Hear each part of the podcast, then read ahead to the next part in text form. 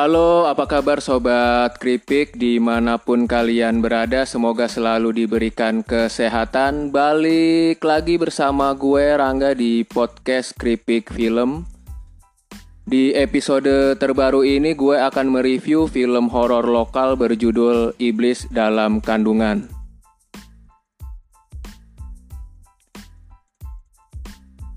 Iblis dalam kandungan sebetulnya dimulai dengan menjanjikan di awal.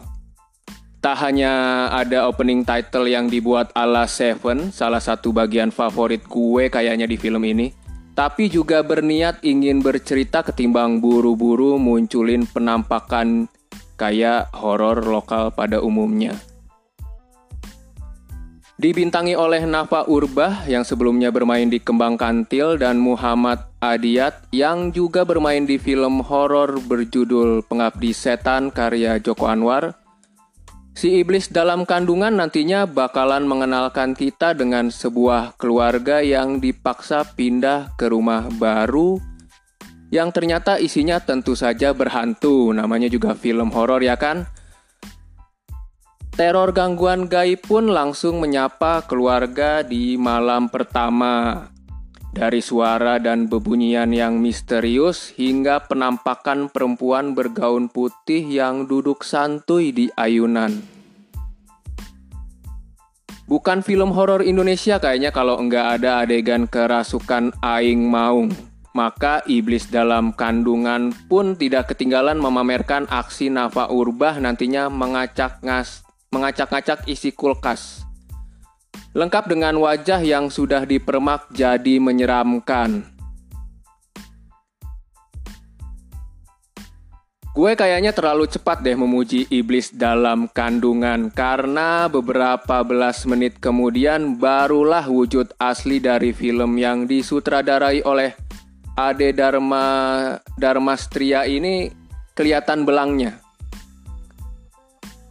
Penyajian horornya jelas nggak menawarkan sesuatu yang bisa dikatakan baru. Dengan mengadopsi bermacam trik menakut-nakuti dari film-film hantu sejenis yang sudah gentayangan sebelumnya, ya emang nggak ada salahnya menurut gue apabila sebuah film horor menggunakan cara lama. James Wan dan Mike Flanagan misalnya pun melakukan hal yang sama make cara-cara lama dan trik lama. Bedanya mereka berdua ngerti bagaimana meracik trik yang sebenarnya kadaluarsa tersebut agar tetap efektif dalam tujuannya membuat penontonnya pada akhirnya ketakutan. Iblis dalam kandungan ternyata hanya tahu ingin membuat horor seperti apa, tapi tampaknya sama sekali nggak ngerti harus bagaimana untuk bisa mewujudkan visinya menjadi adegan yang layak disebut seram. Ingin membuat horornya atmosferik lewat bebunyian dan nyanyian berbahasa Sunda misalnya. Tapi hasilnya justru berisik karena sekali lagi film horor kita mudah banget yang namanya terjangkiti virus tidak pede. Tidak percaya diri dengan filmnya dan memilih menggunakan efek suara yang berlebihan.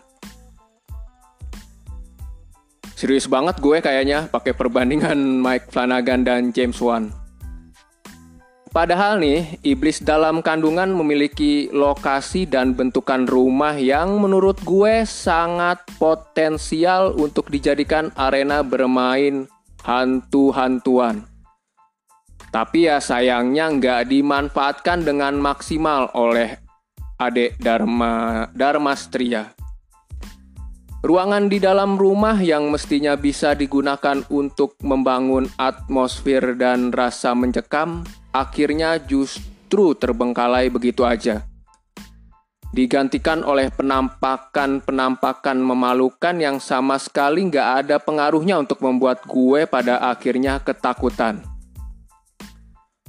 Toh alih-alih merasa ngeri, gue malahan tertawa geli setiap saat iblis dalam kandungan melakukan trik-trik yang tak hanya terlihat repetitif, tapi juga kurang kreatif. Seram nggak seram itu emang relatif. Masalahnya kemunculan setan jump scare random sana sini nggak hanya gagal seram, tapi juga dipertanyakan fungsi dan eksistensinya. Pola teror di iblis dalam kandungan pun berantakan dengan adegan kemasukan yang juga sembarangan. Kayak setannya tuh nggak dikasih tujuan dari awal. Kasihan.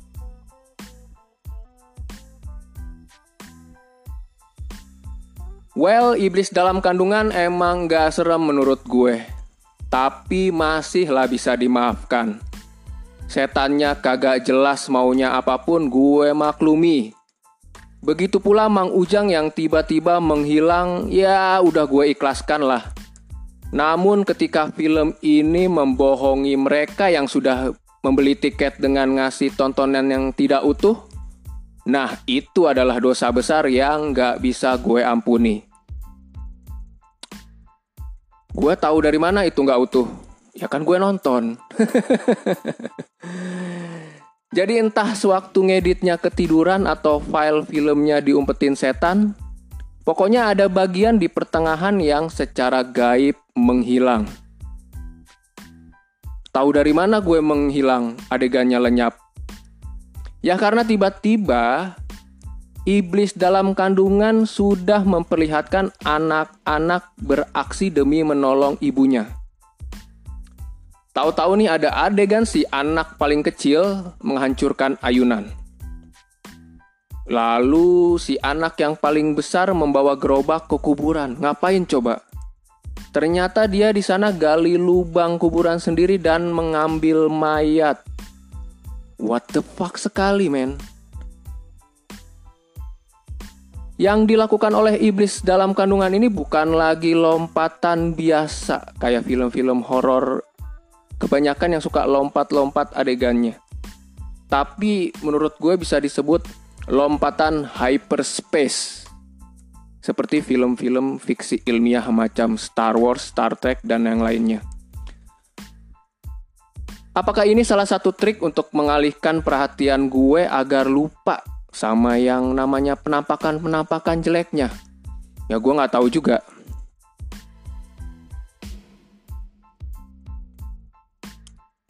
Misteri terbesar di iblis dalam kandungan ternyata bukan kenapa Nafa Urbah selalu berubah jadi siluman musang atau ini sebenarnya yang bikin kesurupan itu setan, jin, dedemit atau apa. Tapi misteri terbesarnya itu adalah ke mana lenyapnya adegan-adegan yang mestinya hadir sebagai jembatan dari second act menuju ke babak akhir alias third act. Tak hanya kemudian menyebabkan banyaknya adegan tiba-tiba ada yang bertumpuk di penghujung film, termasuk tuh kemunculan tahu-tahu ada sekte pesugihan di akhir, lengkap dengan simbol The Leviathan Cross. Dampaknya pun fatal ke storyline yang dari awal tuh emang udah pabalatak lah kalau kata orang Sunda mah. Udah berantakan jadi semakin kacau balau akibat lompatan hyperspace tersebut karena adegannya menghilang. Sengaja atau enggak sengaja ya gue nggak tahu. Iblis dalam kandungan menurut gue telah melakukan usaha perjoliman ke penontonnya. Sudah horornya jelek, ditambah filmnya setengah jadi pula. Duit 30 duit 35 ribu itu terbuang percuma. Serius gue mau nanya nih. Emang pada nggak ngecek lagi apa sebelum film Iblis dalam kandungan ini dikasih ke bioskop? Terus kalaupun dicek apa enggak ngerasa ada yang janggal atau aneh sama filmnya? Buat apa gue peduli sama seisi film ini kalau pembuat filmnya sendiri nggak peduli sama karya yang mereka ciptakan? Wuh, ampun deh.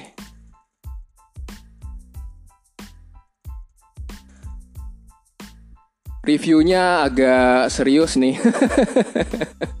Tumben gak ada ketawa-ketawanya. Tapi karena emang gue masih ngerasa jengkel aja sama iblis dalam kandungan. Ya emang kalau nonton film horor Indonesia emang harus siap-siap dikecewakan. Tapi ini level kecewa yang beda. Kalau nggak menghibur atau sekedar hancur atau jelek horornya ya kayaknya biasa ya karena emang ya sebelum-sebelumnya juga banyak lah sebelum ini juga kan ada telu dan lain-lain tapi iblis dalam kandungan tuh parahnya karena kita beli beli tiket tapi mereka ngasih film nggak utuh alias setengah jadi. Gimana nggak jengkel gitu loh. Gue nggak ngerti lagi dah. Well semoga apa ya semoga ini terakhir kalinya lah film kayak iblis dalam kandungan ini yang yang ngasih tontonan setengah jadi kayak gini semoga di semoga film-film berikutnya nggak kayak gini sih.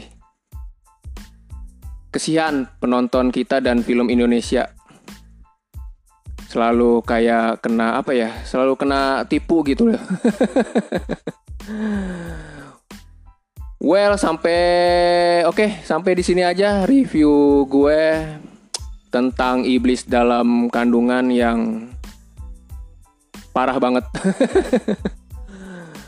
sampai ketemu di review berikutnya Terima kasih buat yang masih mau mendengarkan ocehan gue di podcast Kripik Film. Thank you dan bye-bye.